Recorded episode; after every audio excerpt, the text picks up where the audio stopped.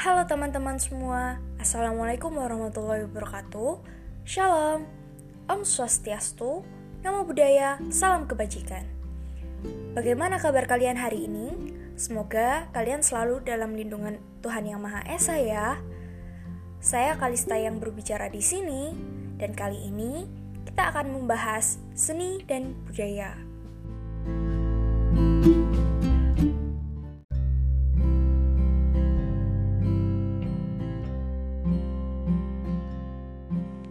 Ketika kita membahas seni dan budaya, tentu tidak jauh-jauh dari seni tari, bukan? Lalu, kalian tahu gak sih apa itu definisi dari seni tari? Aku kasih tahu ya. Seni tari adalah suatu kesenian dengan media ungkap berupa gerakan manusia. Wah, sekarang kalian jadi tahu ya definisi dari seni tari? Oh ya, terdapat banyak sekali budaya tarian yang tersebar di seluruh wilayah Indonesia. Salah satu tarian budaya yang cukup terkenal adalah tari gandrung. Kalian tahu gak sih apa itu tari gandrung dan dari mana asalnya? Tari gandrung merupakan salah satu jenis tarian yang merupakan bentuk kebudayaan dari suku Osing yaitu penduduk asli Banyuwangi. Dari sini bisa kita simpulkan bahwa tari gandrung adalah salah satu kebudayaan yang berasal dari daerah Banyuwangi. Tari gandrung diciptakan oleh Temu Misti sejak tahun 1968. Beliau adalah seorang maestro tari gandrung yang tetap melestarikan tari gandrung selama lebih dari 50 tahun. Wah, lama sekali ya teman-teman. Lalu, kenapa ya tarian ini mulai dimainkan? Setelah saya cari informasinya, ternyata pada mulanya tarian ini dibawakan sebagai bentuk rasa syukur kepada Dewi Sri atau Dewi Padi. Wah, mulia sekali ya teman-teman. Kembali ke topik, dahulu tari gandrung dibawakan semalaman suntuk hingga subuh. Waduh, kok lama sekali ya? Eits, namun sekarang hanya berdurasi 15 hingga 60 menit saja loh.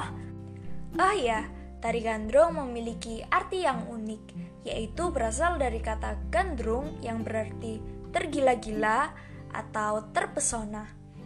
Maksudnya adalah terpesonanya masyarakat Blambangan yang agraris kepada Dewi Sri yaitu Dewi Padi yang membawa kesejahteraan bagi masyarakat.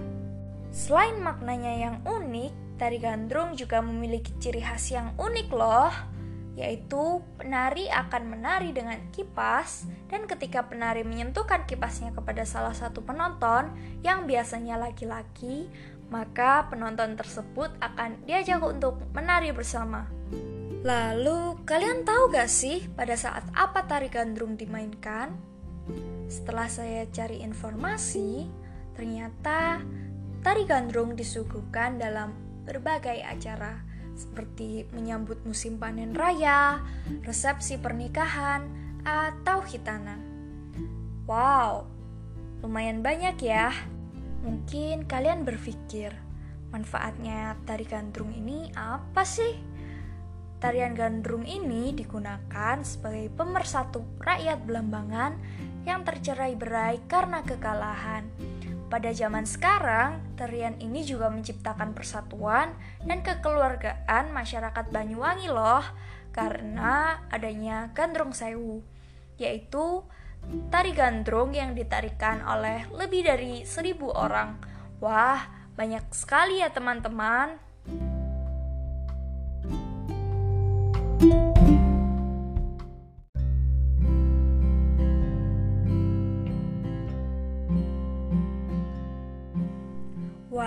hari ini kita belajar banyak sekali ya mengenai tari gandrung. Semoga informasinya dapat bermanfaat untuk kalian yang mendengar dan saya sendiri.